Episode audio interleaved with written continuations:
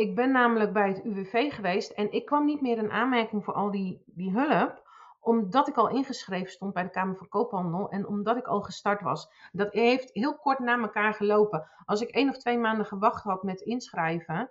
Maar ja, je hebt al klanten vanuit je opleiding. Dus je, je gaat inschrijven, je wil gelijk door met die klanten ook laten betalen. Want die mensen betalen wel, maar dat geld gaat naar de opleiding. Daar wordt dan de supervisie van betaald.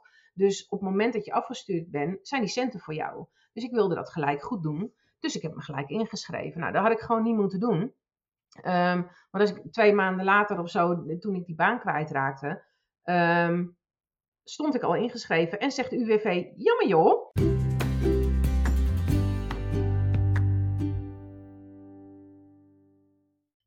Superleuk dat je luistert naar weer een nieuwe aflevering van de Hippische Ondernemers Podcast. Ik heb weer een leuke gast voor je uitgenodigd, maar ik ga eerst mijn excuses aanbieden voor eventuele boor- en of timmergeluiden die je op de achtergrond uh, hoort. Mijn buren zijn denk ik met een grote verbouwing of iets anders bezig. Um, kan een klein beetje achtergrondgeluid geven, maar ik ga ervan uit dat dat uh, luister, het luisterplezier van deze aflevering niet in de weg gaat zitten. Ik ga vandaag in gesprek met Francis Dalebout. Zij is klassiek homeopaat en richt zich daarbij echt op paarden. Daar is ze echt in gespecialiseerd. Dus superleuk om haar eh, te gast te hebben. We gaan het niet heel erg inhoudelijk hebben over homeopathie en dat soort dingen. Maar um, we gaan het hebben over ondernemen als single ladies. Hoewel Francis inmiddels geen uh, vrijgezel meer is, volgens mij, Francis. Nee, klopt. Nee, klopt. Nee, is, heeft zij wel toen ze nog alleenstaand was haar bedrijf opgebouwd. En ik ben zelf natuurlijk ook alleenstaand. En ik hoor vaak van alleenstaande vrouwen dat ze het lastig vinden, omdat je dan natuurlijk alle financiële lasten ook in je eentje draagt. Dus daar gaan wij vandaag uh, alle ins en outs over met jullie doornemen. Francis, van harte welkom. Zou jij jezelf even willen voorstellen voor de luisteraars? Ja, hoi, dankjewel. Uh, leuk dat ik er mag, uh, mag zijn uh, in jouw podcast. Um, ja, zoals gezegd, ik ben Francis. Um, ik ben net 55 geworden. Um, en ik ben klassiek homeopaat. ik woon op dit moment in Zutphen. ik ben partner, ik ben moeder, ik ben zus. Um, ja, wat wil je nog meer weten? Ik heb uh, een Highland Pony en twee beheer op een per paradise hou. Of equihabitat, of hoe je het noemen wil. Um, ja. Ja, nou, superleuk. En uh, ja, ik zei het net al een beetje. We gaan het vooral hebben over uh, dat moment in jouw leven dat je als hmm. alleenstaande moeder dacht: ik ben er helemaal klaar mee, ik ga iets anders doen, ik ga een opleiding volgen en dan ga ik een bedrijf beginnen. Ja, goeie hè? Super, super fantastische keuze. Ja, ik vind het fantastisch. Je omgeving vond er waarschijnlijk iets anders van. Daar gaan we het zo ook nog even over hebben. Maar vertel eens, hoe, hoe, hoe, kwam dat zo? Hoe ging dat? Hoe kwam dat? Nou, ik uh, ben uh, ruim 15 jaar, denk ik, zo'n beetje, um, ben ik hondentrimster geweest. Um, ik had een eigen hondentrimsalon. Eerst in het noorden van het land, later zijn we verhuisd naar de Veluwe. En daar moest ik helemaal opnieuw beginnen. Maar dat, ja, dat ging gewoon heel goed, want uh, kon ik dat ook wel een beetje. Dus ik had uh, in een jaar tijd had ik gewoon weer een nieuwe klantenkring op de Veluwe. Um, en um, ja, uh, life happens. Ik ging scheiden en moest uit mijn woning daar. waar ik dus gewoon echt een nette salon had aan huis, zeg maar. En ik kwam in een chaletje te zitten. En um, we zijn wel echt op. Of ik, we, dat bedoel ik mijn ouders en ik mee, want mijn ouders hebben dat chalet voor mij gekocht. Um, en we hebben echt gezocht naar een plek waar ik een eigen oprit had, zodat ik hondjes kon blijven doen. Um, want het was natuurlijk eigenlijk gewoon de bedoeling dat ik met mijn hondentrimsalon door zou gaan. nou, zo'n chalet is er gekomen en in het houten fietsen, hockey hebben we een provisorisch, maar toch best wel net uh, trimsalonnetje gevreubeld. Um, je kon er niet keren, maar het lukte. Um, alleen mijn klanten bleven weg. Ik ging, nou, ik denk dat het 7 kilometer is. Uh, en ik zat al buiten de bebouwde kom, dus mensen moesten eigenlijk al voor mij in de auto. Maar um, ik zat in Harskamp en ik ging naar Garderen en dan moet je de A1 over. En kennelijk is dat zo'n barrière. Dat ik gewoon eigenlijk direct al, nou, ik denk minstens 80% van mijn klanten kwijtraakte. En omdat je in een chalet zit waar je officieel niet mag wonen en de parkeigenaar gedoogde het wel, kan je ook niet vreselijk roepen van jongens, ik heb een bedrijf hier, want dan loop je gelijk tegen de lamp. Um, dus dat, ja, dat ging dood. Dat, ik kreeg geen nieuwe klanten. En ik was ondertussen wel alleenstaand moeder van een kind op de basisschool. Dus er moet wel centjes binnenkomen. Ja, toen Ehm, dacht dus jij... ik ben allerlei baantjes gaan eh, doen. Ja, ik ben gaan werken. Hm. En toen dacht je, nou, financieel is het allemaal niet zo makkelijk. Er Nee, moet iets veranderen. Weet je wat ik ga doen? Ik ga eens heel veel geld uitgeven. ja, nou ja, ik heb eerst eh, een, een, een aantal, ehm, want, want dat was ook de pest. Pest, mag ik dat zeggen? Nou ja, Mhm. ja. Ehm, nu zou je via het UWV het een en ander kunnen regelen daarin. Eh, toen niet. Ik weet niet of het toen wel of niet kon, maar ik kreeg in ieder geval geen medewerking. En het kwam er dus gewoon op neer dat ik geen doorstart kon maken met steun van bijvoorbeeld een, een eh, WW-uitkering, waar ik ook nog wel recht op had. Ehm, omdat ik, ja, dat, dat deed ze niet. Dus ik, ik had gewoon geen tijd om die doorstart te maken. Dus ik moest ook echt, om überhaupt een uitkering te krijgen, me uitschrijven uit de Kamer van Koophandel. Eh, dus dat heb ik gedaan. En ik ben gewoon in shitbaantjes gaan zitten. Ik heb heel veel schoonmaakbaantjes gehad. Van hotel tot eh, een, een bedrijf met, met, met lopende bandwerk. En weet ik het wat allemaal. Echt de, de goorste baantjes. Ik heb mezelf later ook beloofd dat ik dat nooit meer hoef te doen. Ehm, dus ja, echt, echt happy in mijn werk was ik niet. En een vriendin van mij, die opperde op een gegeven moment, na een tijdje, dat, toen zat ik er al een tijdje in die, in die banen, doodongelukkig te wezen. Waarom word je geen homeopaat voor dieren? En ik had echt iets van, huh? Wat is dat dan? Ik had wel in mijn trimsalon VSM-producten verkocht. Die hadden toen nog zo'n dierenlijn, net als dat je het nu puur hebt en zo. Ehm, en ik gebruikte dat ook wel voor mijn eigen dieren, gebruikte ik wel eh, homeopathie. En was ik ook al wel een beetje aan het hobbyen met enkelvoudige middelen. Iets wat ik nu heel erg afraad hoor. maar eh, dat deed ik toen. En ehm, ja, ik ben gaan googlen, want ja, homeopaat, dat, ik ging ervan uit dat gewoon mensen die homeopaat waren af en toe wel eens een dier deden. Ik wist wel dat dat kon. Ik heb toen ook een humaan homeopaat gebeld of ik een bepaald middel aan mijn paard kon geven. Ehm, maar er bleek gewoon een opleiding voor te zijn. Dat wist ik dus ook niet. Ik ben gewoon gaan googlen. En er bleken er zelfs twee te zijn toen. In Amersfoort en in Lochem zat er een. Ehm, en ik ehm, had gelijk al wel zo'n Eureka-moment. Maar ik ben eh, naar Lochem naar de open dag geweest. En voor mij was dat toen al zo'n zo'n moment dat ik iets had van, ja, dit is het, dit moet ik worden. Dit, eh, en ik heb me ingeschreven en ik kon nog niet eens starten, want dat jaar startte er geen ehm, opleiding. Ze, ze hield er een pauzejaar in. Dus ik moest ook nog een jaar wachten voordat ik met de opleiding mocht beginnen. Uh, maar toen mocht ik al een paar, de, mensen die zich ingeschreven hadden dat jaar, mochten een paar modules tussendoor doen. Dus daar kon ik er al wel een beetje mee aan de gang. En voor mij was dat echt uh, vanaf het begin af aan zo'n um, dit is het en halleluja en de hemel breekt open en uh, engelenkoren en dat soort, zo'n gevoel. Mm -hmm. Maar, echt, uh, maar ja. toen keek je op je bankrekening en toen moest je het opleidingsgeld overmaken. Ja, dat, dat mocht dan gelukkig in etappes. Um, en um, ik had mijn paard moeten verkopen, omdat ik het niet meer kon betalen. Dus ik had in het begin had ik wat geld, want ik had uh, een painthorse. Dus dat waren niet de allergoedkoopste paarden toen. Uh, nu nog niet trouwens. Um, en die heb ik verkocht. En um, van een klein deel ben ik op vakantie geweest. En de rest had ik wel zo bewaard. Zo van, weet je, als alleenstaande moeder kun je altijd wel een, een buffer gebruiken. Um, dus daar heb ik een deel van ingezet. En uiteindelijk um, heb ik met heel veel sparen en heel zuinig doen ook vooral. Um, heb ik dat redelijk goed kunnen doen. Tot het eind. Want, toen, want ik had natuurlijk ook wel die baantjes. En op een gegeven moment had ik ook wel echt een, een betere baan van 32 uur. dus dat, dat, met veel schrapen ging dat. Alleen raakte ik die baan kwijt uh, aan het eind van mijn opleiding. En toen hebben mijn ouders hebben de laatste, het laatste jaar bijgesprongen. Maar dat is, lijkt me best wel een spannende beslissing. Want je voelt van, hé, hey, dit wil ik heel graag gaan doen. Uh, ik spreek natuurlijk veel ondernemers die bijvoorbeeld een baan hebben en die dan daarnaast al ondernemen. En die zeggen eigenlijk zouden de dagen af moeten op mijn baan. Maar ik vind het financieel gewoon heel eng. En ik kan me voorstellen dat jouw situatie, uh, je zit financieel niet super breed. Je zei het net al, je hebt altijd wel een buffer nodig. Zeker als alleenstaande moeder. En die ga je dan wel aanbreken ja. om iets te betalen waarvan je eigenlijk sowieso niet weet of het gaat renderen. En als het al gaat renderen, dan duurt het nog een paar jaar.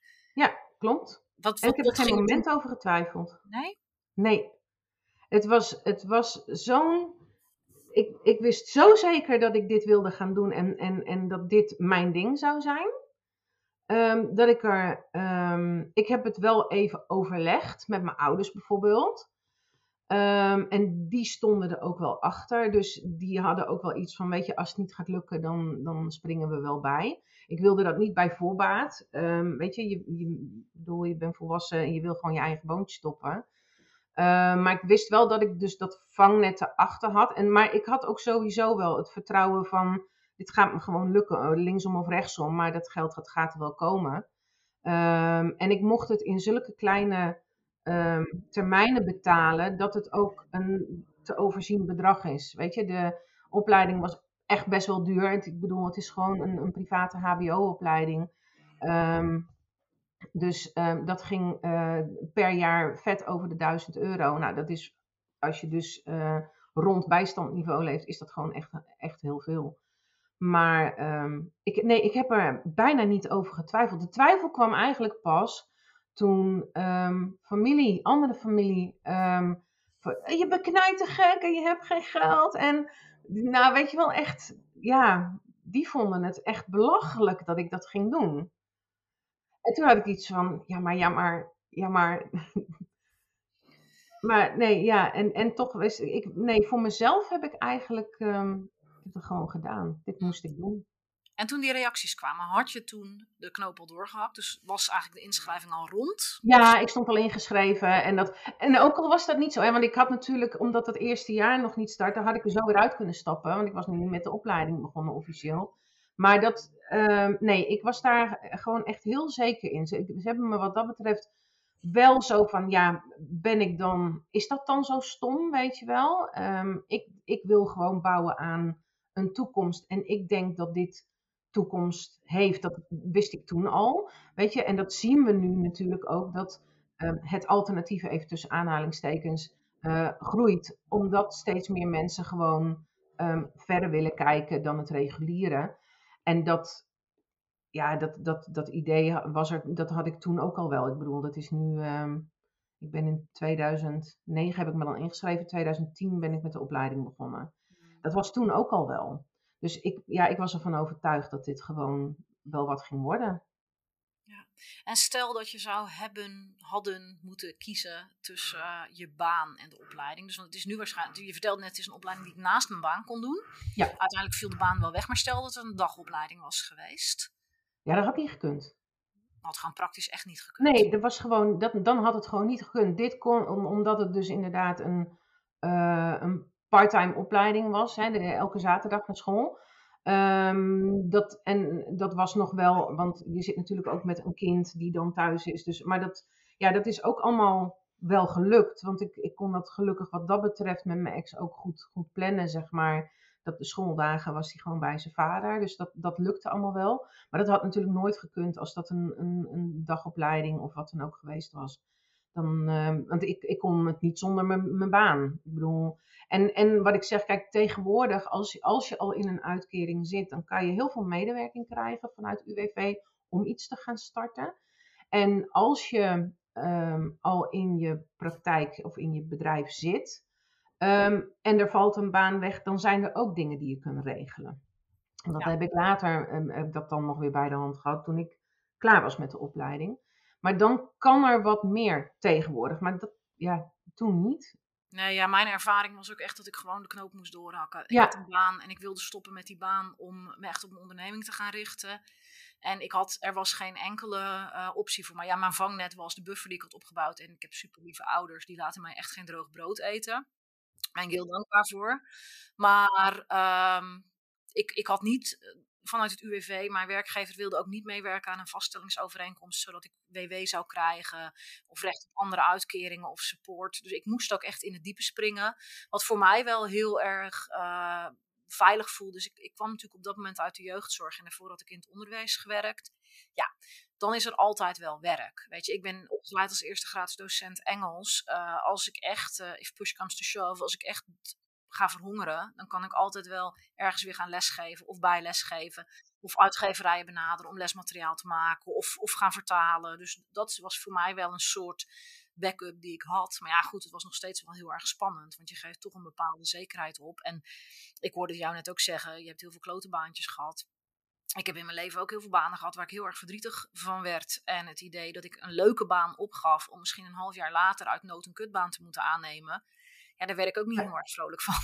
Nee, nee, dat klopt hoor. En, maar dat, ik had dat inderdaad wel ook een beetje zo van, ja, als het mislukt, weet je, kutbaantjes heb ik nu ook al. Dus um, ja, dan maakt het niet zoveel meer uit, weet je. Die schoonmaakbaantjes, die zijn er altijd wel. Uh, dus um, ja, ik, ik, ik had ook niet het idee dat ik, um, weet je, ik heb geen, geen heel specifieke opleiding. doordat ik zoveel jaar trimster ben geweest. En in die tijd, nu is dat gelukkig anders hoor. Maar het idiote was zelfs zo dat toen ik um, mijn trimsalon moest stoppen en dus bij het UWV terecht kwam van, nou ja, ik ben nu dus uh, werkeloos, weet je wel. Die 15 jaar hondentrimsalon, dan ben je dus 15 jaar ondernemer geweest eigenlijk, hè. Um, was een gat in mijn cv. Ja, echt. Ja, dat zien, dat horen mensen nu niet, maar je slaat je handen voor je ogen. Ik, maar... ik zit hier echt, ik kijk hier vol verbazing en afwalging. En, ja, en dat, dat denk... destijds. Nu is dat gelukkig anders. Um, maar ik heb, ik heb meerdere fases van mijn leven met het UWV te maken gehad. En altijd met het UWV uh, eh, in Apeldoorn. Nou, alsjeblieft jongens, als je dreigt om uh, werkloos te worden, ga verhuizen. En niet naar Tolen. Niet naar huh? Tolen. Niet naar Tolen. Nee, nou ja, ik weet het niet. Het, um, weet je, ik weet dat er ook echt helden werken bij het UWV die echt een stinkende best doen voor een mens hoor. Um, dus ik, wil niet um, alle UWV-medewerkers afvallen. Maar die in Apeldoorn die ik gesproken heb, waren in ieder geval. Um, ja, ik, ik heb vooral tegenwerking gehad en geen medewerking. En nu is dat gelukkig anders, maar toen werd dat dus echt gezien als een gat in je cv. En dan denk ik van ja, weet je, volgens mij moet je best wel wat weten. Achteraf uh, in deze praktijk kwam ik daar ook wel achter dat ik nog lang geen ondernemer was. Maar een gat in mijn cv vond ik het ook weer niet. Maar dat betekent wel dat je dus niet zo um, um, interessant bent voor werkgevers. Ja, typisch is dat, hè? Ja. Terwijl ik inderdaad ook denk, je hebt toch een, een heel pakket aan vaardigheden. Hetzelfde herkende ik ook bij collega's in het onderwijs hoor. Die zeiden, als ik ga solliciteren in het bedrijfsleven, dan vinden ze het onderwijs niet interessant. Terwijl ik denk, ja, maar weet je, je hebt wel 150 leerlingen minimaal. Als je parttime werkt 150. Als je fulltime werkt, sommige collega's hadden 500 leerlingen per week voor hun neus. Die ze allemaal moesten Precies. managen, aansturen. Ik moet, je moet nogal wat managementcapaciteiten hebben. En organisatorische skills. Zo, echt ja. hoor. Echt waar. Ja. Als er iemand luistert uit het bedrijfsleven en er komt een docent solliciteren, neem ze aan hoor. Want ze kunnen hard werken, ze kunnen organiseren, ze kunnen omgaan met mensen. Precies. Echt hoor. Ja. ja, daarom. Er wordt, er wordt vaak um, zo blind gestaard op, op een opleiding of een papiertje. Terwijl er helemaal niet gekeken wordt van wat voor capaciteiten mensen hebben of moeten hebben om bepaald werk te kunnen doen, zeg maar. Um, en dan ja, wordt vind ik, in, op sommige vlakken echt neergekeken op mensen. En dat is niet oké, want iedereen heeft natuurlijk zijn eigen set aan vaardigheden. Ja, en, en um, even terug te keren naar jouw keuze om de opleiding te gaan doen. Toen ben je mhm. begonnen, mm -hmm. de opleiding duurde een aantal jaar. Zijn er ja. momenten geweest dat je dacht, mijn god, waar ben ik aan begonnen?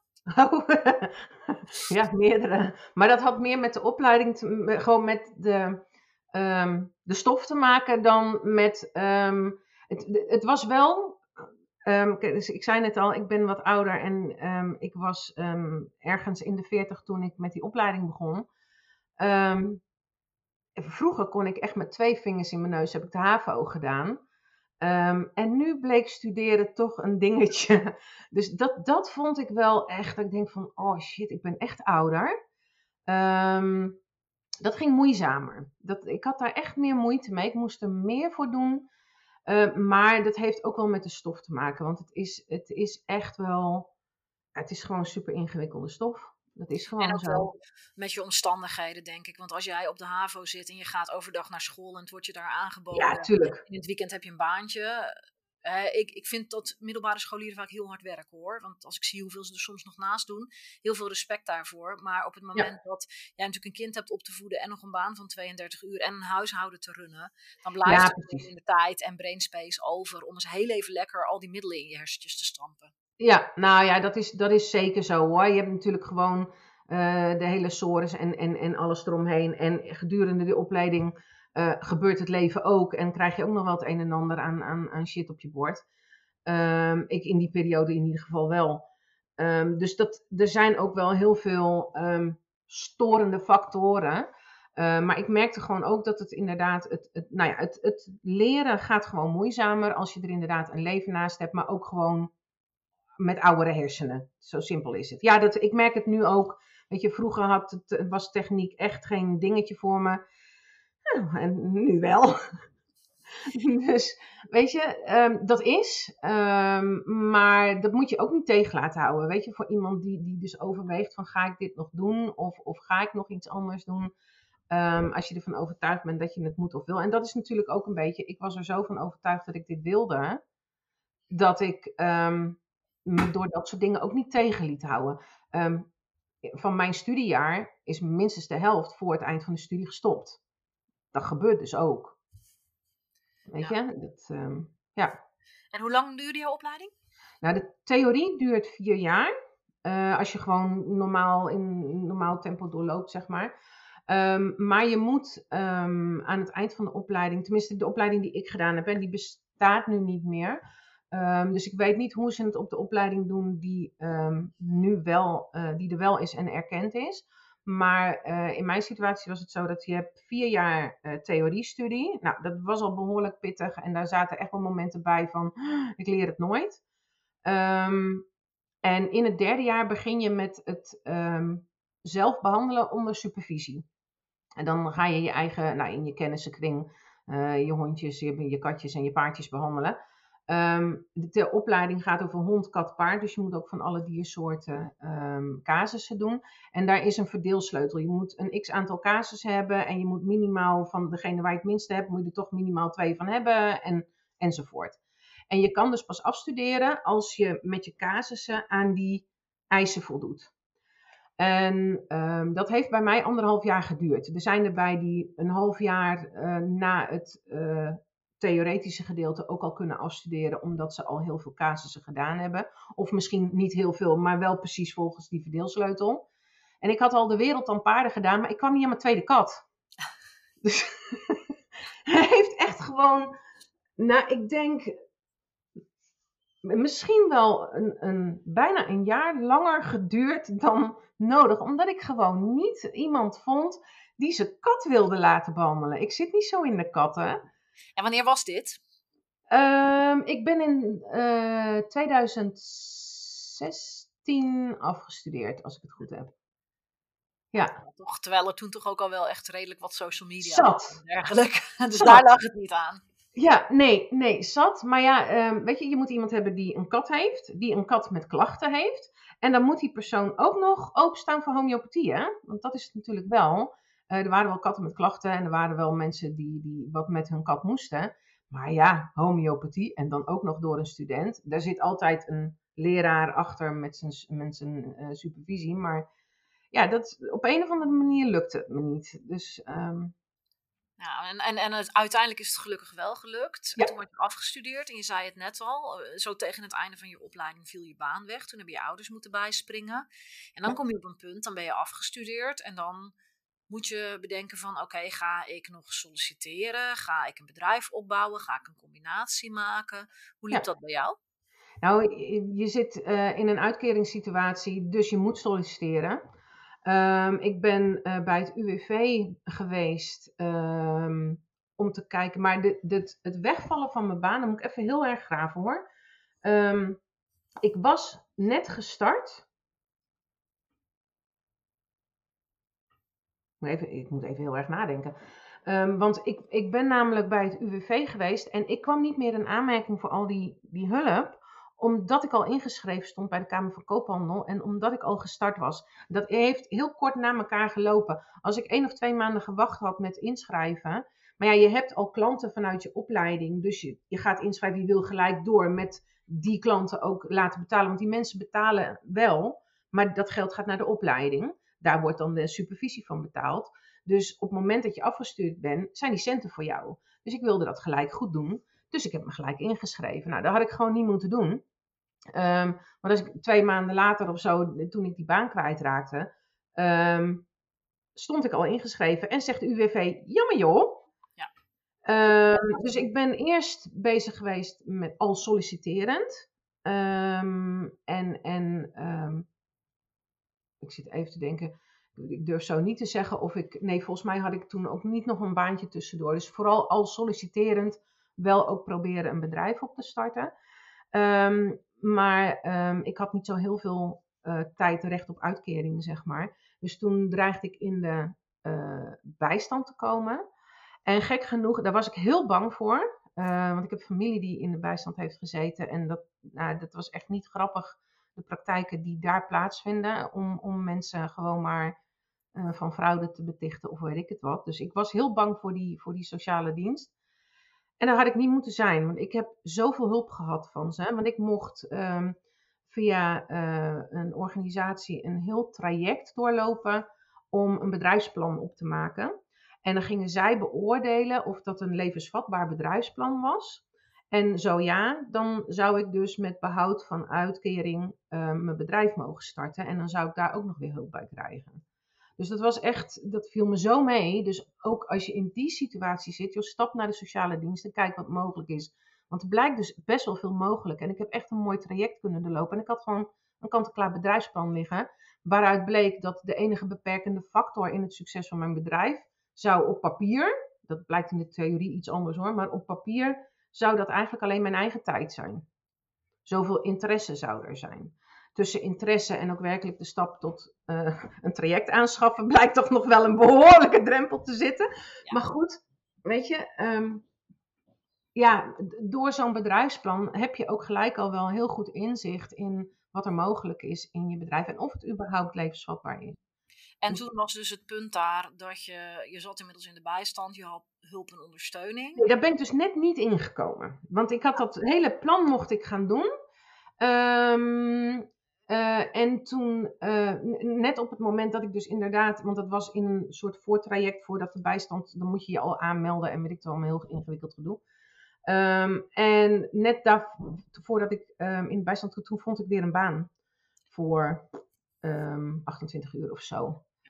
Dus dat, ik ben net niet in die situatie terechtgekomen, maar dat voortraject dat heb ik nog wel kunnen doen. Dus ik had wel een mooi bedrijfsplan liggen. Ja, en eh, dus je bent uiteindelijk in eerste instantie toch ernaast in loondienst gaan werken en daarnaast ja. je bedrijf gaan uitbouwen. Ja. Um, alles bij elkaar, dit hele verhaal, een baan van 32 uur en daar toch een pittige opleiding naast doen. Uh, vervolgens weer een baan combineren met het opbouwen van een bedrijf. Dat is best hard werken. Dat vraagt best wel veel investeringen. Maar dat werkt ook niet. Voor mij werkt het niet.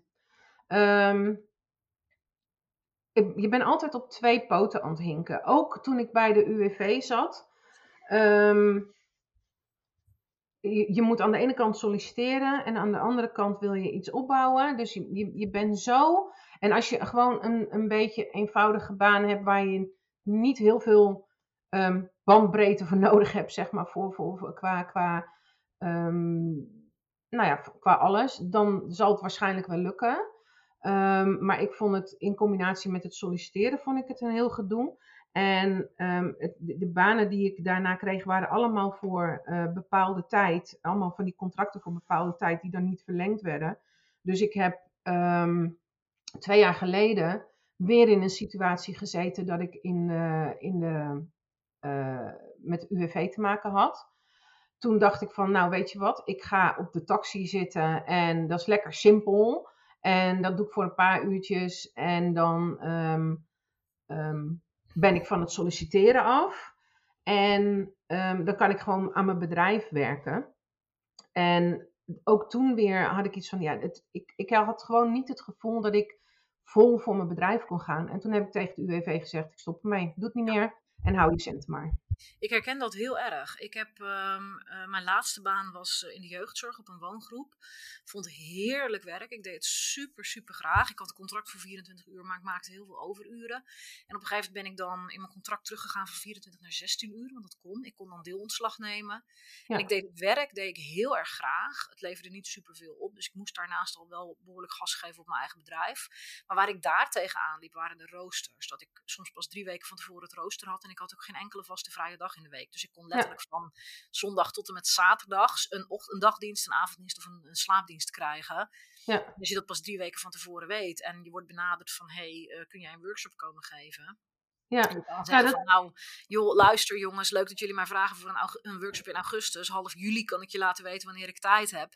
Ja, dat werkt natuurlijk. Nee. Mijn ervaring is er altijd een factor. Want jij zei net al, heb je een baan die inhoudelijk niet zoveel brainspace vraagt. En dan, dan zit je dus of met uh, dat je 40 uur moet werken om überhaupt aan het geld te komen wat je nodig hebt. Nou, daar liep ik bij de taxi ja. tegenaan inderdaad. Dat was, en ik vond het ook, ik vond het nog leuk werk ook, want ik, ik hou wel van autorijden. Um, en ik had ook best wel een relaxte auto onder mijn kont, dus dat was, dat was prima. Maar um, op de taxi moet je gewoon, ik moest daar minstens 30 uur paraat staan uh, om uh, voor 20 uur loon te krijgen. En dan is het ook nog eens echt een beroerd betaalde baan. Ik vind het echt idioot. Dat mensen die dus gewoon op de weg zitten en met, een, met mensen vervoeren. Um, je hebt best wel een verantwoording ik, ik reed um, mensen die ook naar, naar ziekenhuizen en weet ik dat allemaal moesten. Dus je hebt ook echt wel mensen met, met issues, zeg maar, in de auto. En je, en je krijgt betaald als de eerste de beste postbezorger. Het is echt idioot.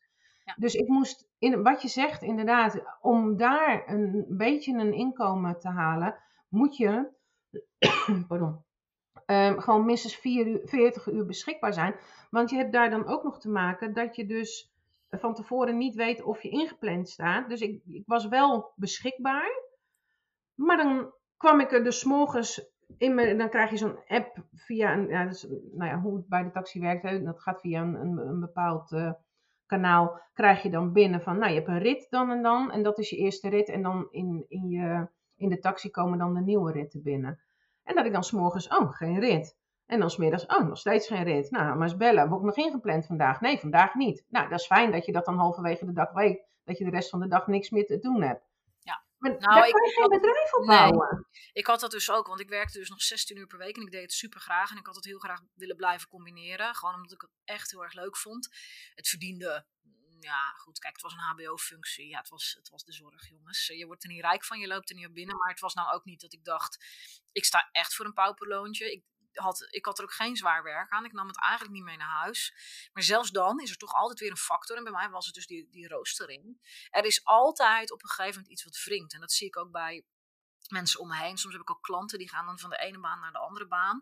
Want dan denken ze van oké, de baan die ik nu heb, uh, dat is het niet. Nou, dan ga ik daar werken, want dan verdien ik meer. Dus dan kan ik drie dagen werken in plaats van vier dagen. En dan krijg ik ruimte voor mijn eigen bedrijf. En dan zie je toch vaak weer dat daar weer iets anders speelt. Dat is dan toch complexer. Of het, uh, ze moeten toch weer een zwangerschapsverlof van een collega nog een extra dag in de week Of er gebeurt altijd wel iets. En in, in mijn ervaring is het wel zo dat als je denkt goh, ik wil het gewoon lekker blijven combineren, want ik vind dat leuk. Uh, blijf het dan lekker combineren. Maar op het moment dat je denkt, ik wil echt voor mijn bedrijf gaan, uh, probeer zo snel mogelijk daar naartoe af te bouwen. Ja, precies. Weet je, het is een beetje wat je met je bedrijf wil natuurlijk. Er zijn, ik, ik denk dat um, 90, 99 procent van mijn collega's um, het erbij doen. Of ze doen het uh, gewoon maar voor een aantal uurtjes, hè, omdat er nog een partner is met een inkomen.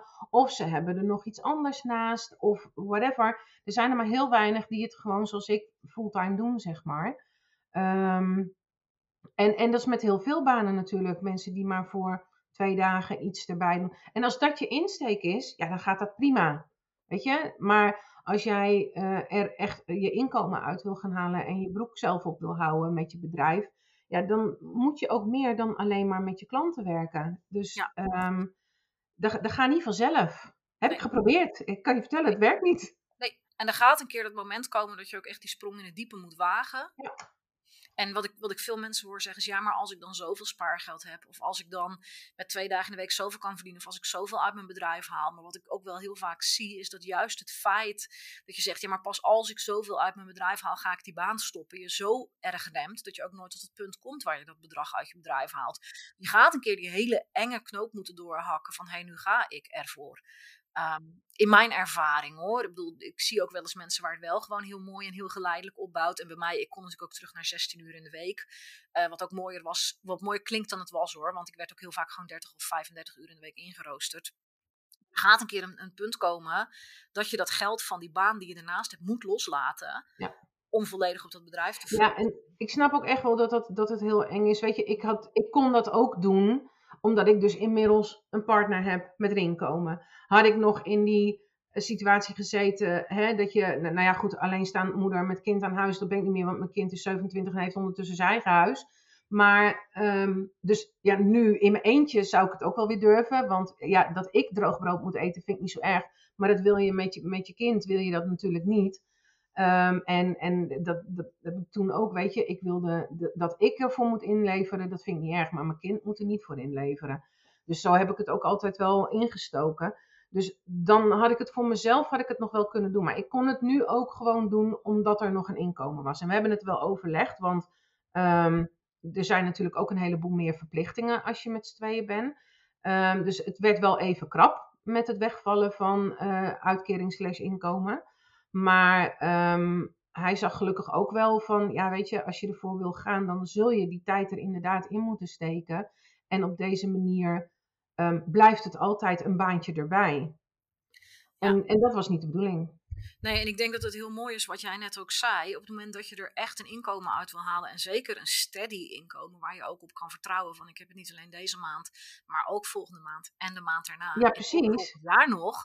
Ja. Dan is er meer nodig dan alleen maar je klanten bedienen. Dan ga je iets met marketing moeten doen. En in 9 van de 10 gevallen ook iets met persoonlijke ontwikkeling. Om jezelf te ontwikkelen tot de persoon die zo'n bedrijf kan dragen.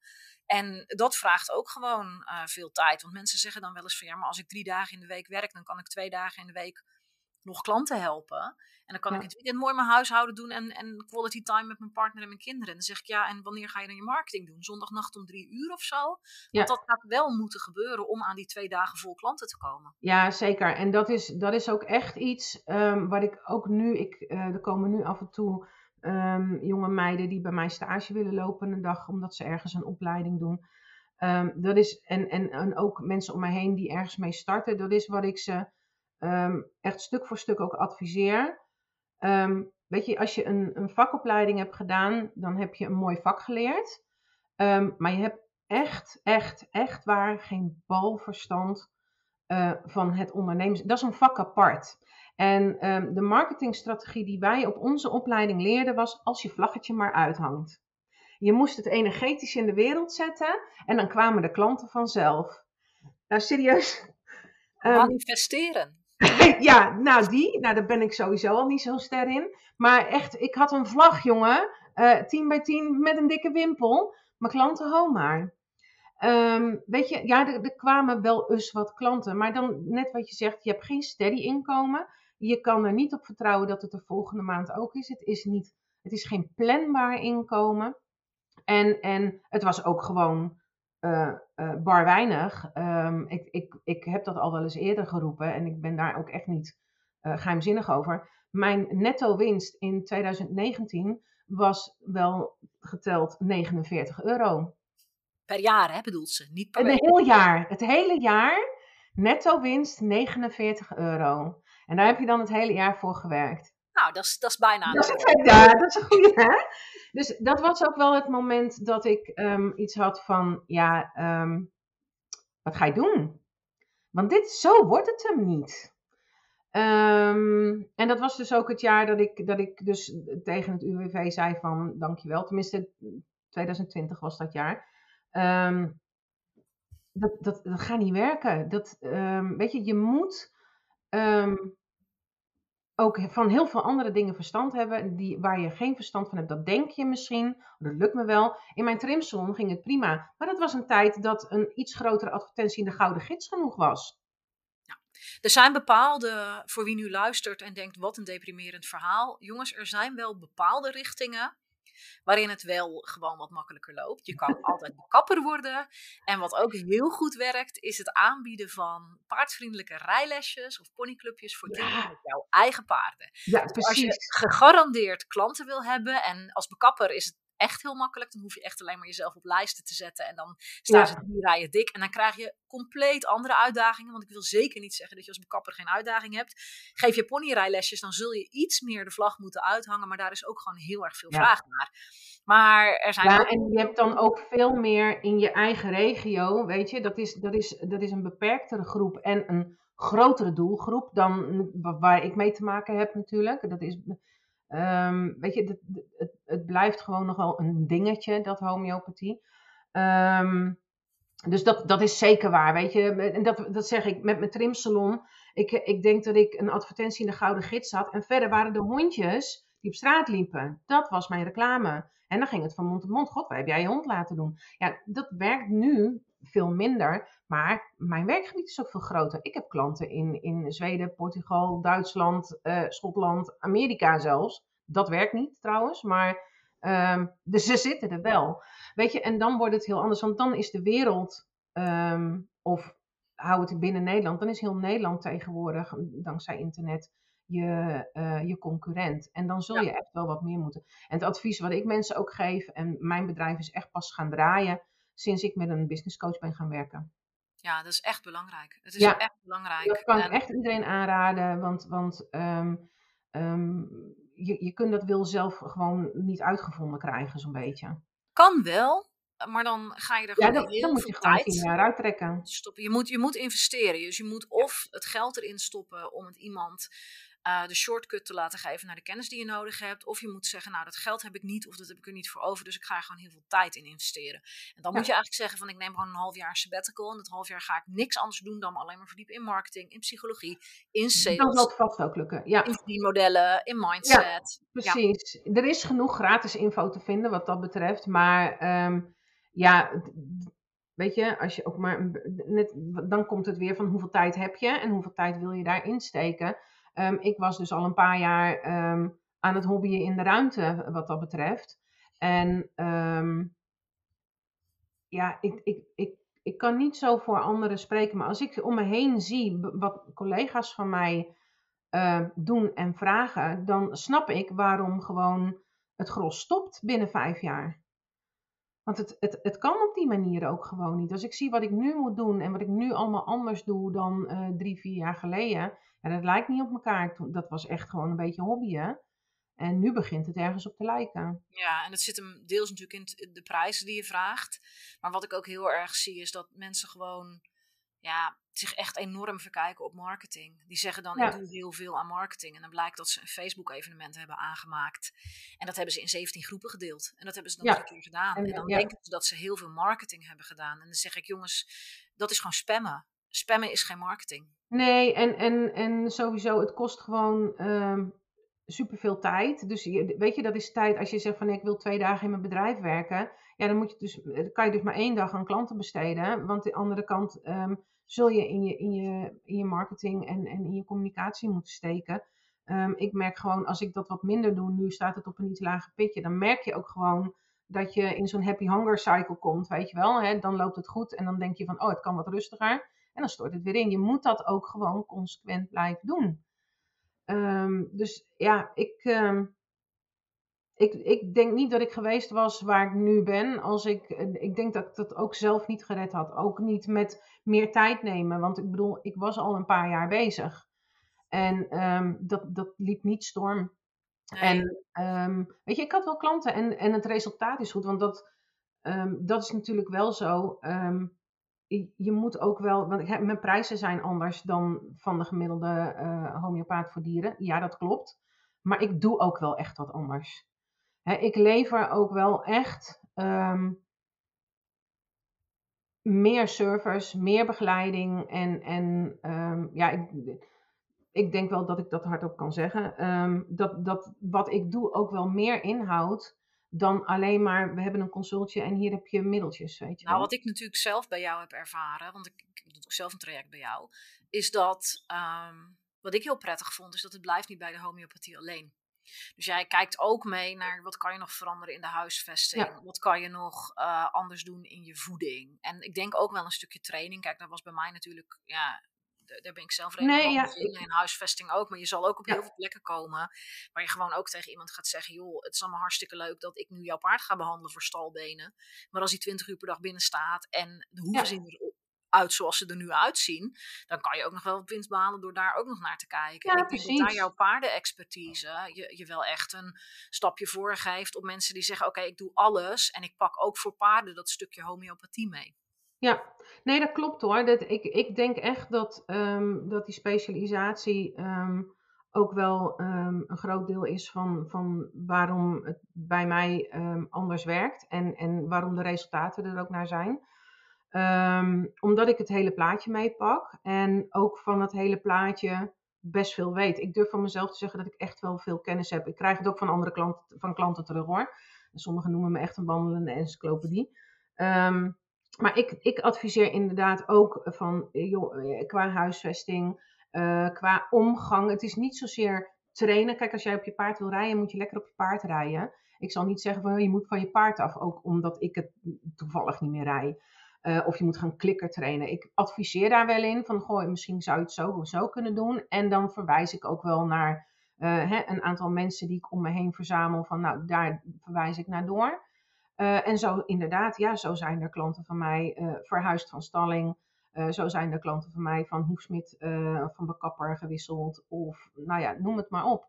Hè, voeding, al die, al die dingen hebben, hebben, dragen bij, dus moet ik meenemen. Je kan niet alleen maar zeggen van ik geef een snuifje. Maar dan, ja, dan kom je dus wel, oh nou gaat het bij mij een piepeltje, sorry.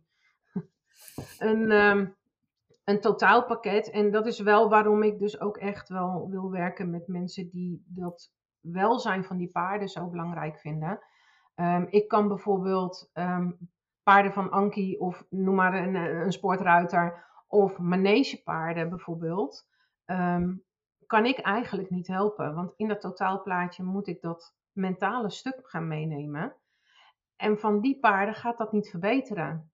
Er zijn denk ik nog maar weinig, als ze er wel zijn, call Maar er zijn denk ik weinig um, echte sportruiters die bereid zijn om hun paard um, uit die stal te halen. Want oh jee, blessures en noem maar op. Um, ze, zijn er, ze zijn er wel. Ja, ze, ik ja, zie het hier en daar. Ze komen er, ze, godzijdank, steeds meer.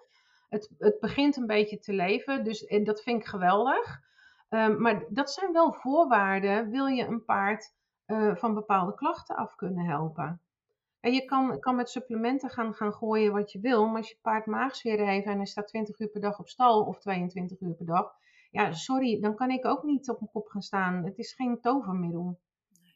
Nee, nee dat, dat, dat snap ik helemaal. En ik denk dat juist die, die kennis, um, ja, het beperkt je klantenkring misschien, maar het maakt ook wel dat je voor de klanten die er wel voor open staat een heel stuk extra service kan bieden.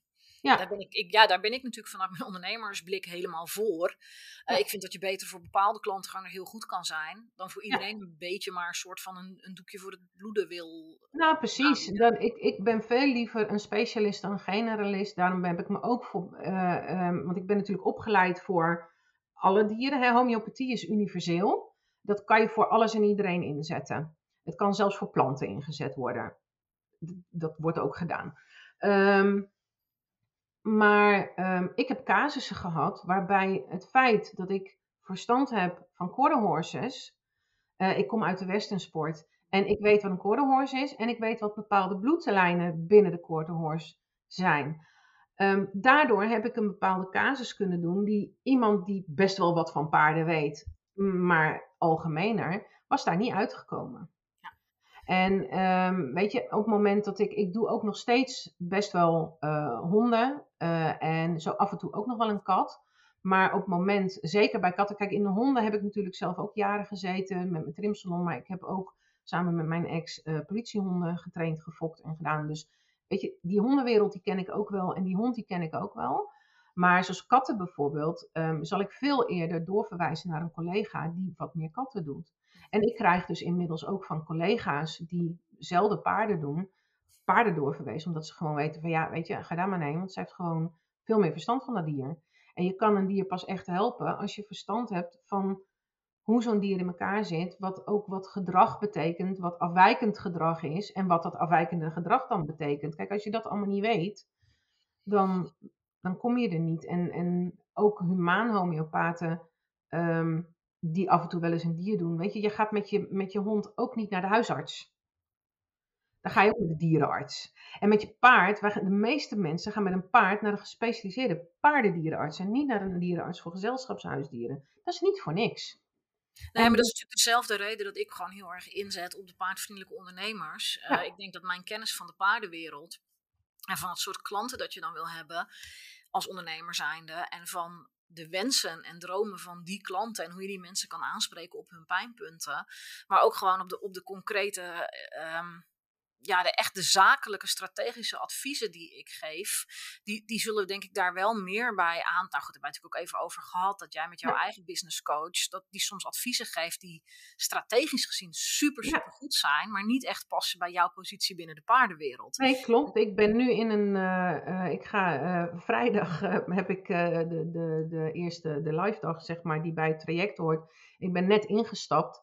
Daar hebben we het ook over gehad natuurlijk, dat ik overwoog van eh, ga ik bij jou instappen of ga ik nog een traject bij haar doen. Nou, ik, ik wil gewoon ook, omdat het financieel nodig is, um, omdat wij hier gewoon wat dingen hebben waarvan ik zeg van ja, ik, ik wil gewoon dat dat financieel um, op gang, uh, of nog iets beter op gang komt.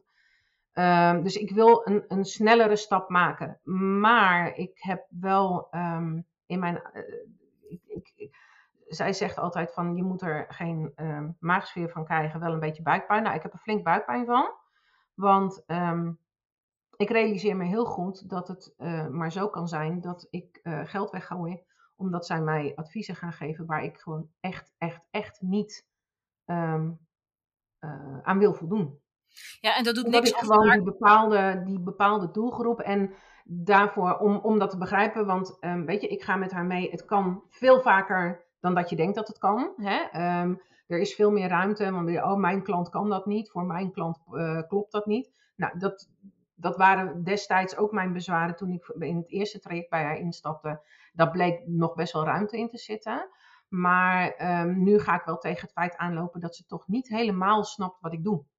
En um, als je niet helemaal snapt wat ik doe, Um, dan snap je dus niet waarom ik dat welzijnstuk juist zo belangrijk vind. Want dat, dat is mijn vak. En waarom ik één op één, weet je, zij wilde eerder, dat, dat heeft zij, nu is het oké dat ik één op één niet los wil laten. Ik kan het niet loslaten. Want dat is nou juist homeopathie. Dat is de, de klassieke homeopathie zoals ik dat toepas, is super individueel. Daar kan ik geen groepstraject van maken. Nee, en ik denk dat zonder ook maar iets te willen afdoen aan haar waarde. Ik ga echt absoluut geen collega's afzeiken.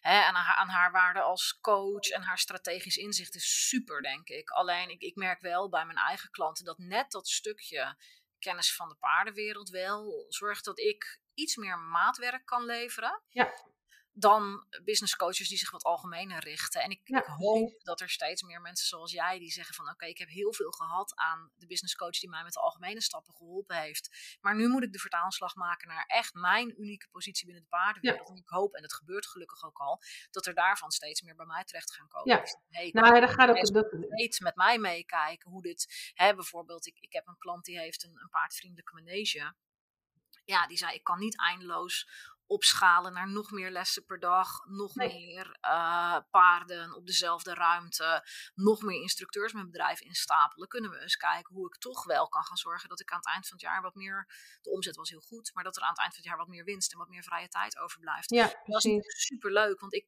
ik heb daar een bepaalde expertise in die denk ik heel weinig andere ondernemerscoaches kunnen meebrengen. Nee, dat, dat klopt zeker hoor. Dat is ook echt wel een afweging die ik, die ik dan gemaakt heb van waar ga ik voor. Um, ik weet dat, er, uh, dat ik, ik als, als dit traject bij haar ook niet gaat, dat kan maar zo dat het niet gaat werken, dat ik tot de conclusie kom van dit wordt hem niet omdat dat stuk nu te beperkend wordt, zeg maar. Ik denk dat ik strategisch van haar nog wat dingen kan leren, waardoor ik een, een, een stap kan maken, maar misschien ook niet. En dan kan het maar zo zijn dat ik dus eerder uit het traject stap, of, of nou ja, dat ik er niet uithaal wat er misschien voor anderen in zit. Dat is waarom zij me ook geen klant heeft gemaakt op het moment dat ik in haar jaartraject wilde. Dat, dat gaat niet persen, dat gaat niet werken. En ik wil niet um, uh, mijn, mijn, mijn principes verlogenen om dan maar andere klanten te gaan helpen. Weet je, om, om dan maar halfbakken te gaan doen of zo. Wat ik, wat ik hier wel heel leuk in vind, is jouw mindset op dit gebied. Dat je zegt, joh, ik ga het gewoon proberen. En we gaan gewoon kijken wat het brengt. Ik haal er sowieso dingen uit. En nou ja, als blijkt dat dit toch niet de ideale match voor mij was. Ja, dan is het, nou ja, weggegooid geld gaan we het niet noemen. Dan is het geld wat misschien anders beter geïnvesteerd had kunnen worden. Maar dat ja. weerhoudt jou er niet van om die investering te maken. En dat vind ik wel heel mooi. Ik zie heel veel ondernemers wel echt eindeloos zoeken, is trouwens iets wat ik bij mezelf ook herken. Uh, eindeloos zoeken naar de perfecte match en de allerbeste um, optie. Ik hoorde daar pas ook een mooi concept, concept over. We kennen natuurlijk allemaal FOMO, maar diegene had het over FOBO. Dat is Fear of Better Options. Oké, ik ga oh dit oh, maar niet doen, want misschien komt er nog wel iets wat net iets beter matcht. Waar ik net iets meer waarde uithaal voor mijn geld. En daardoor uiteindelijk maar niet tot actie komen. Terwijl ik denk, ja weet je, los van wat je hier ook uithaalt, je hebt gewoon wel weer actie ondernomen. Je gaat nieuwe inzichten doen. Je gaat er altijd beter van worden. Nou ja, dat denk ik. En dat, dat vertrouwen heb ik bij haar, omdat ik natuurlijk al eerder een traject bij haar gedaan heb. Dus, en dat was voordat jij um, um, echt helemaal op de business coaching uh, was gaan richten. Um, dus ik, ik, ik weet haar waarde en ik weet dat ik heel veel van haar geleerd heb. Dus durf ik die stap ook wel te nemen. Uh, maar ik weet ook haar beperkingen inmiddels. Weet je, dus dat en daar durf ik ook wel tegen in te gaan. Dat was ik twee jaar geleden bijvoorbeeld ook niet. Weet je, dat is wat je zei over dat je zelf ook iemand dat wie je zelf moet worden om een bepaalde ondernemer te zijn. Ik sta nu gewoon veel steviger in mijn schoenen van ja, maar dit is hoe ik mijn bedrijf wil runnen. Of dit is in ieder geval wat ik er, waar ik naartoe wil. En ik denk, hoop, verwacht dat zij me nog een, een, een nou ja, schop onder mijn reet de goede kant op kan geven. Maar daarna stopt het, dat weet ik ook. Ik weet dat ik bij haar niet um, eindeloos door kan groeien, omdat ze die markt niet kent. En omdat ze dan dingen van mij gaat willen, vragen en verwachten die ik gewoon echt weiger te doen. En daar durf ik dan ook wel gewoon mijn poot stijf te houden. Is ook gewoon oké, denk ik. Ik denk dat er op, op elk moment iemand is die jou vooruit kan helpen. En ik vind, dat, ik vind ook een hele mooie mindset. Dat je zegt, ik stap er gewoon in. En wat ik er ook uithaal, het is eigenlijk nooit weggegooid geld. Ik heb echt wel geld weggegooid achteraf. Dat ik dat ik ben bijvoorbeeld een opleiding gaan doen die ontzettend tegenviel. Waar ik halverwege ook mee gestopt ben. Op dat moment baalde ik daar heel erg van. Want dat was ook echt nog in de periode dat ik enorm twijfelde over waar wil ik wel in investeren, waar wil ik niet in investeren. Tegelijkertijd heb ik daar ook van geleerd dat als je dan eens een keer een en ik zit nu te airquoten, maar een foute investering maakt, Um, ik heb daar wel weer dingen uitgehaald. Ik heb daar weer uitgehaald dat ik beter naar mijn gevoel moet luisteren. Uh, ook gewoon een eye-opener dat ik gezien heb van wat sommige mensen durven te vragen voor een bepaalde kwaliteit die ze bieden. Ja. Dan mag ik zelf ook nog, weet je, dat heeft mij. Nou, daar hebben we het laatst al over gehad, hè, over, over weggevers. Dat ik zeg van, dat, dat, weet je, dat heb ik ook. Hè. Ik, heb, um, ik heb hier, dat kan je niet zien, maar ik heb bovenaan een aantal van die, van die uh, tapjes. Um, in mijn, in mijn werkbalk, zeg maar, waar ik allemaal nog moet. Um, ik, ik heb zeker in dat eerste jaar dat ik ben gaan, echt gaan werken met een business coach. En van oké, ik, moet, ik moet meer gaan doen, weet je wel. Uh, een beetje gaan overconsumeren, zeg maar. En, en oh, dan ga ik een cursus dit en ik heb een cursus dat. En ik heb echt um, meerdere cursussen. En ik ben er eind vorig jaar ook nog weer een beetje ingestonken. Um, dat ik denk van, oh, dat ga ik ook doen, want dat is wel handig. En dat moet ik ook nog leren. Ehm, die ik nog moet doen. En die nog steeds staan en er zitten de dingen bij. ik heb een, een, programma om een nieuwe website, want er kwam afgelopen jaar een naamswijziging aan. Um, en er moest een nieuwe website komen. Nou, dat ga ik dan zelf doen. Ja, dat programma dat staat nog steeds in die website. Die is alleen nog maar een, een doorverwijspagina. Want ja, je moet het wel ook doen en plannen en, en weet ik het allemaal. Dus ik, ik heb ook wel dingen gekocht dat ik denk van, nou, jammer dan. Um, Weet je, maar dat is, ja, dat hoort er ook een beetje bij. Ja, en uiteindelijk gaat het voor mij ook heel erg om het totaalrendement. Als ik zeg maar zes investeringen doe en twee daarvan die leveren helaas niks op, maar die vier die leveren super goed op, dan ben ik altijd nog beter af dan wanneer ik die zes allemaal niet had gedaan uit angst om die twee te voorkomen. Dus het, het gaat ook een beetje om, uh, soms is het ook gewoon heel moeilijk meetbaar van oké, ik stop hier nu 500 euro in hoeveel klanten komen daar nu echt concreet uitgerold? En hoe werkt de kennis die ik opdoe nu weer door? Waardoor er misschien over drie jaar ineens weer klanten uitgerold komen die anders niet op mijn pad zouden zijn gekomen. Ja, dus precies. Weet je, dat, het is niet altijd dat je direct resultaat hebt van iets wat je gedaan hebt, maar um, je zet iets neer. Um, um, of het, het, is kennis die je dan uh, in de toekomst wel weer van pas komt of, of ergens op terugkomt. Weet je, en die cursussen die ik heb staan, ook de, bijna iedereen biedt tegenwoordig lifetime toegang uh, aan. Dus um, joh, um, die doe ik dan over een tijdje wel een keer en dan pak ik het alsnog op. Weet je, dus. Um, of niet, en dan is, het ook, dan is het ook prima. Dan heeft iemand anders een beetje geld aan mij verdiend. Nou, zwaar. Ja, heb je toch de economie weer gesteund, denk ik dan maar. En, ja. een, en een kleine ondernemer. Ja, nou maar er is toch. Dan denk ik, ja, hoe vaak koop je een kledingstuk wat je vervolgens nooit, of misschien precies. blijft dragen. En dat hangt dan drie jaar later in je kast en dan ben je helaas drie maten verder. En dan eh, denk je, Ja. oh, dat was 10 kilo geleden was dit echt superleuk. Maar Ja, die kleren heb ik ook, ja. gaat niet de Simpany container in, zeg maar. Dus, Ja. ja, eh, en dan sta ik ook niet, dat, dat betekent ook niet dat ik nu elke keer in de winkel, ik koop niet veel kleding, maar dan sta ik ook niet te huilen van dat ik denk, ga ik dit wel echt 35 keer dragen en ga ik er dan de waarde wel uithalen.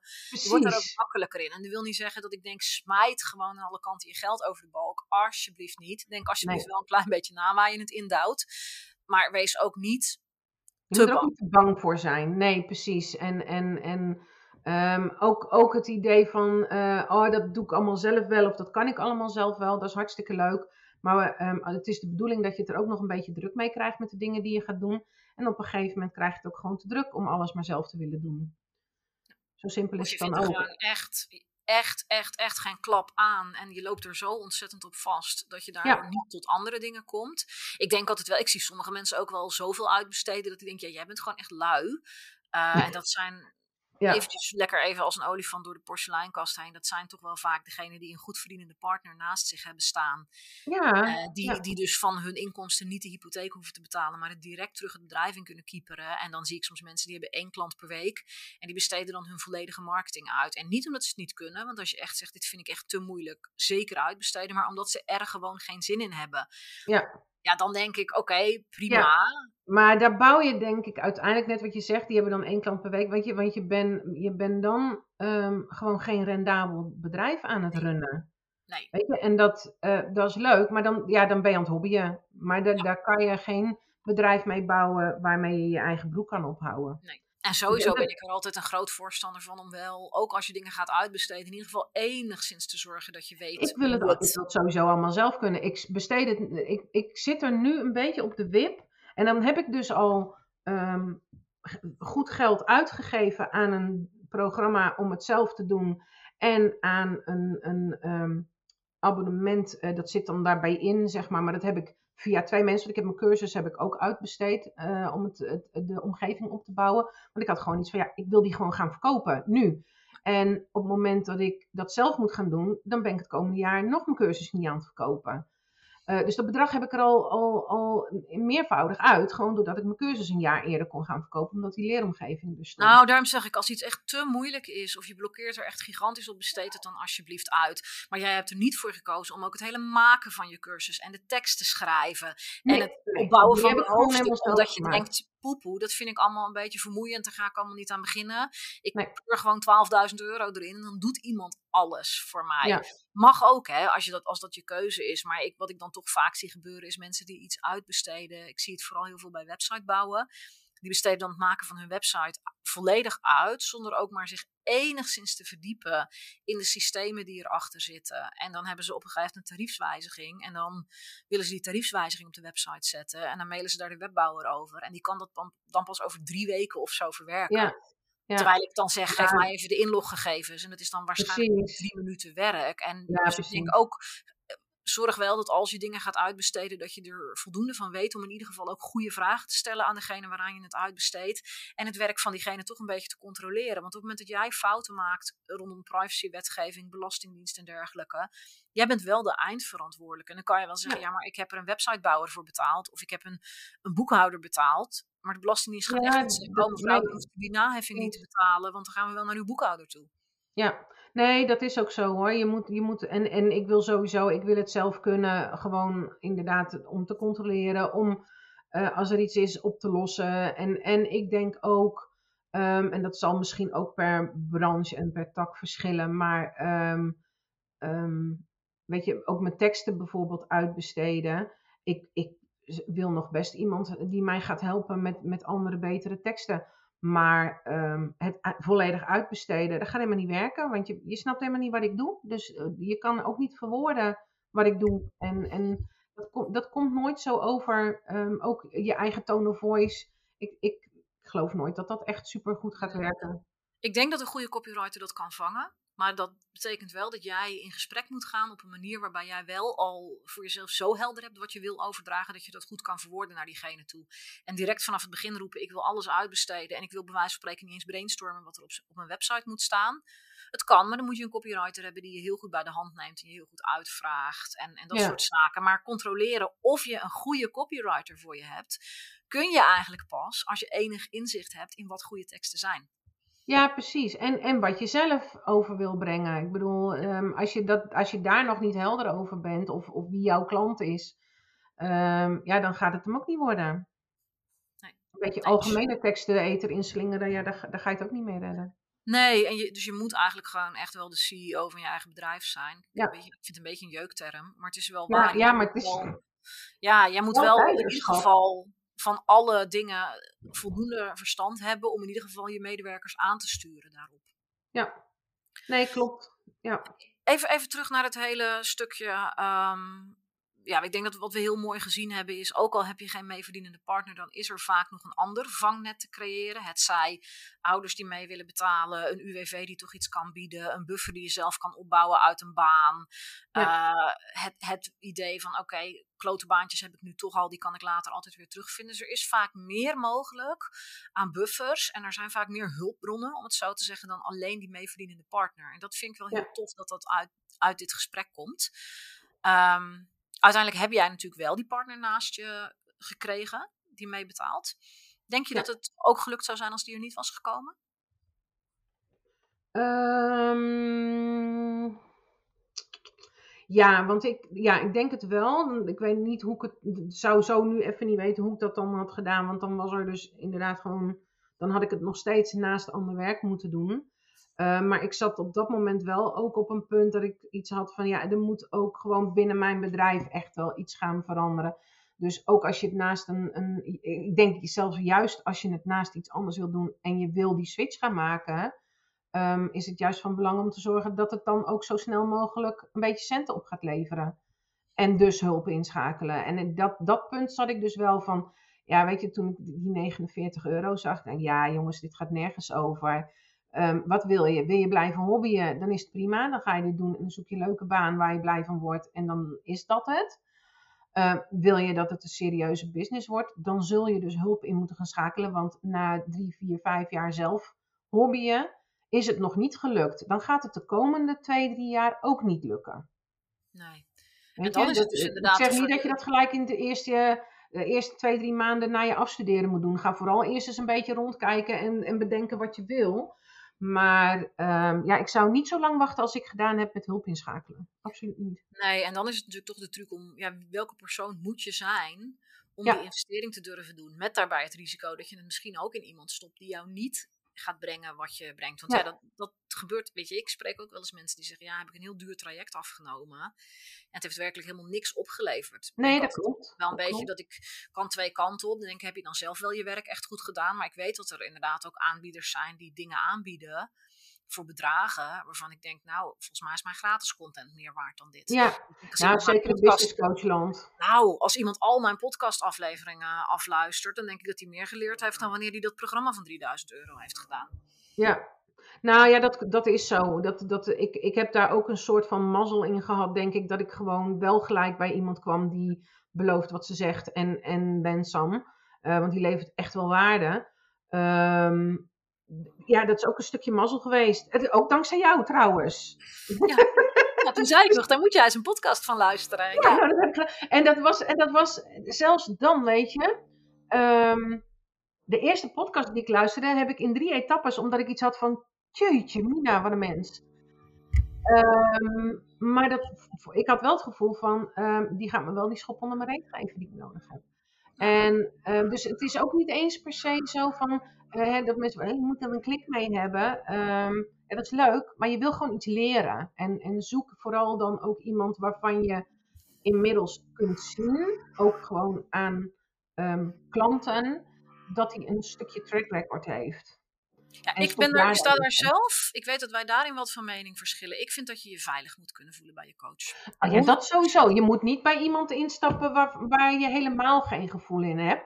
Ehm, weet je, en, en, maar daar zijn, heeft bijna iedereen wel zijn, zijn gratis content voor. En, en weet je, tuurlijk, ik, ik ben ook niet zomaar ingestapt. Ehm, maar ik ben ook niet bij de eerste halve podcast gelijk afgehaakt, zeg maar. Dus ehm, ik denk dat je daar ook, maar dat is ook een stukje, dat vind ik ook zo'n term, zelfleiderschap. Uh, je mag ook een beetje onderzoek doen. Zeker. En je mag ook best wel een beetje getriggerd worden. Ik denk dat de algehele vibe moet goed zijn. Ik, ik hoop dat mijn klanten zullen zeggen van nou, als ik echt uh, domme dingen doe, dan ga, moet ik echt wel zeggen, hey, je doet nu domme dingen. Ja. Maar over het algemeen wil ik... Zo schat ik jou ook wel in. Ja, ik zeg het in ieder geval wel. Dus ik, ik hoop dat het ook zo binnenkomt bij ze. Maar ik wil het wel vanuit een basis van veiligheid doen. Ik wil wel dat iemand s ochtends ook denkt hey, ik uh, ga nu inloggen. Ik heb straks een gesprek met Monique. Ik zit er niet lekker bij, maar ik ga het toch doen, want ik weet dat zij me kan helpen en ik voel me fijn bij haar. En niet van, ja. Oh shit, ik heb al een kutdag en dan moet ik ook nog met haar in gesprek. Ja, nee, dat klopt. Je, dat, nee, dat is, dat is zeker waar. Je moet wel, uh, er moet wel een bepaalde basis zijn. En je moet natuurlijk niet instappen, maar dat, dat doe je ook, ook met je eigen, weet ik het wat, ook met je behandelaar. Weet je, als mensen mij denken van, bij mij denken van, god, een mens ja, nou, ga vooral naar een collega en, en mail me maar. Ik heb wel een paar telefoonnummers. Weet je, natuurlijk moet er een bepaalde klik zijn. Maar ik kan ook best wel streng zijn voor mijn klanten. Ja, je wil je paard beter. Ja, zul je wel wat moeten doen. En ik denk dat daarom vind ik het daarom vind ik het ook wel zo belangrijk om nog even iets mee te geven aan de luisteraars. Om jezelf dus ook echt te laten zien als persoon en authentiek te zijn. Want zoals ik dus zeg van nou, ik, ik wil degene waar ik coaching bij inschakel. Want ik laat me natuurlijk ook coachen op businessgebied, maar zeker ook op persoonlijk vlak. Ik moet daar een klik mee hebben. Ehm, ik, ik, hoef, ik hoef er niet besties mee te worden, maar ik moet me wel veilig voelen en ik moet diegene kunnen vertrouwen. En ook de mensen die ik bij mijn paard haal. En zo is het ook voor jouw klanten. Als jouw klanten denken, uh, wie is die persoon? Ja, weet je, ik zou niemand aan mijn paard laten die ik nog nooit gezien heb en die ik niet ken en die ik niet kan, kan voelen. Nee. En ik denk dat degene waar wij mee willen werken, de paardvriendelijke mensen die, die het beste willen voor hun paard, die gaan ook niet zomaar de eerste de beste aan hun paard laten. Dus je zal jezelf als professional wel moeten laten zien en ook echt laten zien als wie je bent. En niet met een of ander gelikt verhaaltje met allerlei prachtige foto's, maar waar niks authentieks aan is. Nee, precies. Nee, dat klopt. Uh, maar dat is, dat is wat ik ook bedoelde met bijvoorbeeld die teksten en, en, en dingen uitbesteden. Um, ik denk dat je op, op, dat vlak dan ook te veel kan uitbesteden en dat je authentieke zelf niet meer zichtbaar is. En ja, dat, dat is natuurlijk zeker voor de mensen waarmee wij werken um, wel van belang. Super belangrijk. Ja. ja. ja. Nou, Francis, ik ga hem langzaamaan een beetje afronden, want we hebben, we hebben lekker zitten babbelen. We zijn alle kanten opgezwengeld, maar dat maakt denk ik helemaal niet uit, want ik denk dat het super leuk is voor mensen om um, een kijkje te nemen in het hoofd en de mindset van andere ondernemers. En zeker, ja, ik vind jou dan wel een ondernemer die echt enorme stappen heeft gemaakt in het bedrijf. En die wel echt een voorbeeld is voor mensen die net beginnen en die denken: shit, hoe moet ik dit allemaal gaan opbouwen? Want jij bent toch echt al wel een paar stappen verder en, en flink vooruitgekomen.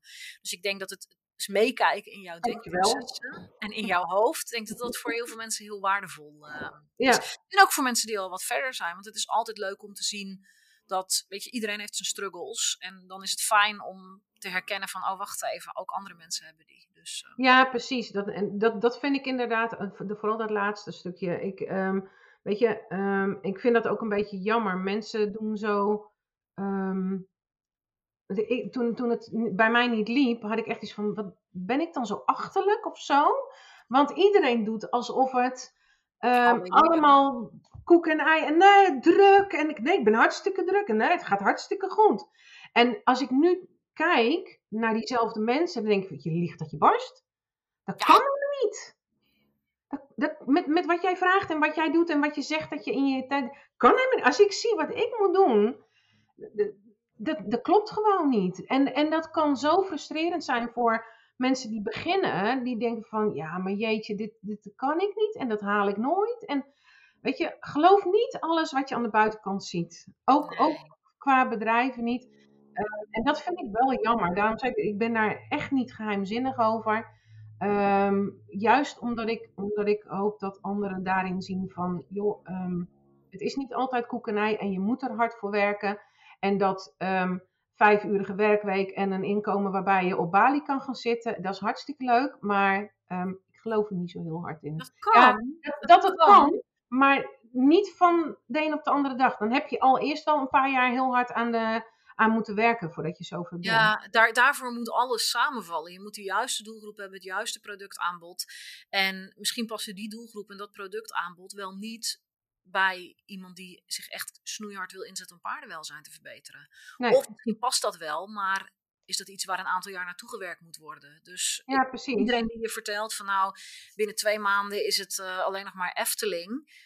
Het kan, maar die zal dan waarschijnlijk dingen van jou gaan verwachten waar jij ethisch niet zo heel erg Nee, vrolijk van nee, nee precies. Hè. Komen we weer op dat, op dat traject uit, inderdaad. Dat is dus inderdaad, ehm, ja, het kan vast sneller, maar ehm, eh, wil ik dat ervoor, wil ik de dingen ervoor doen die daarvoor nodig zijn? Nou, waarschijnlijk niet. Nee, wil, wil, ik degene- wil ik de persoon zijn die uit deze markt binnen drie maanden dat bedrag kan verdienen?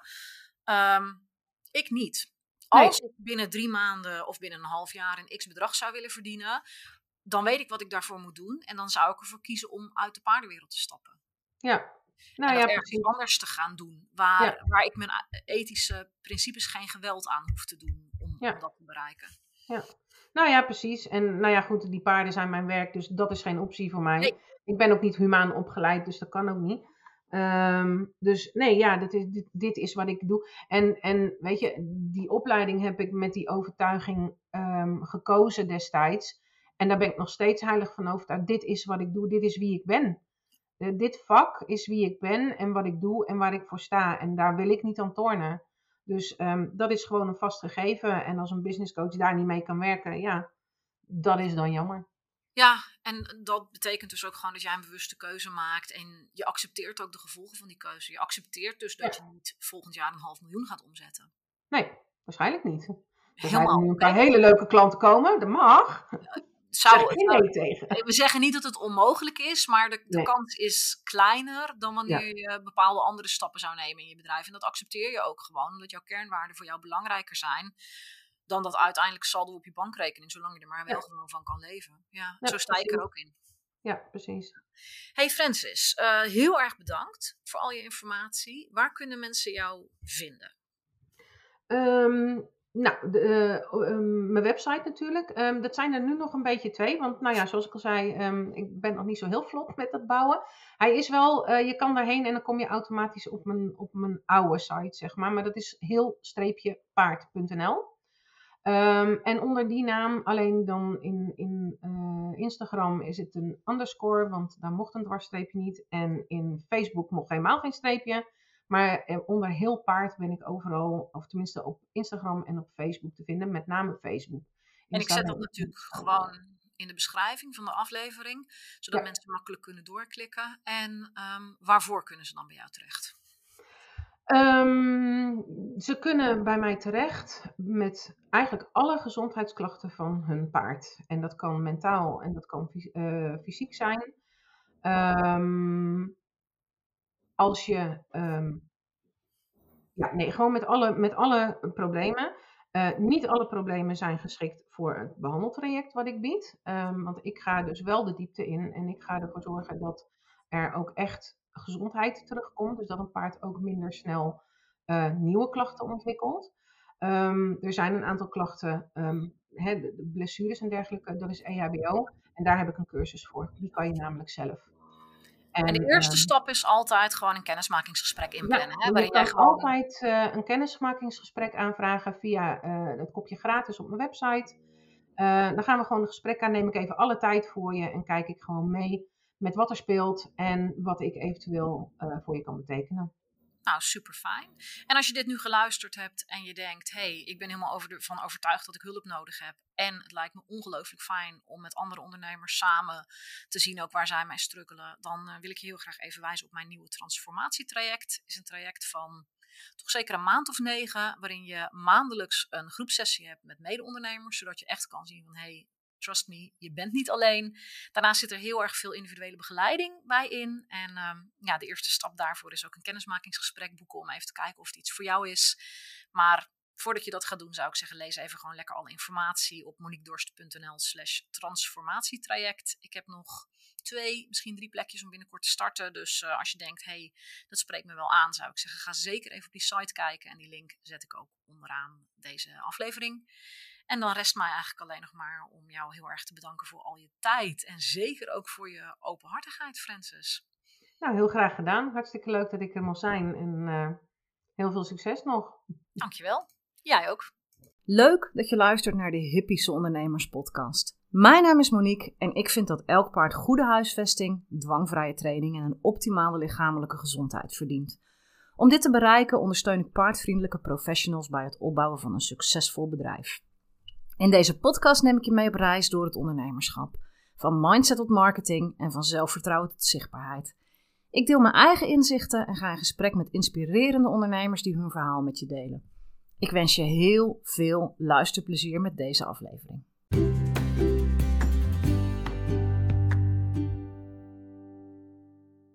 Vond je deze aflevering waardevol? Laat het me dan weten. Dat kan door me een berichtje te sturen op Facebook of Instagram. Als je me wilt helpen meer paardvriendelijke professionals te bereiken, zou ik het enorm waarderen als je andere mensen vertelt over deze podcast. Stuur ze de link of geef een shout-out in je stories. Zo help je mij meer mensen te bereiken die zich inzetten voor paardenwelzijn en zo maken we samen de paardenwereld steeds een stukje mooier.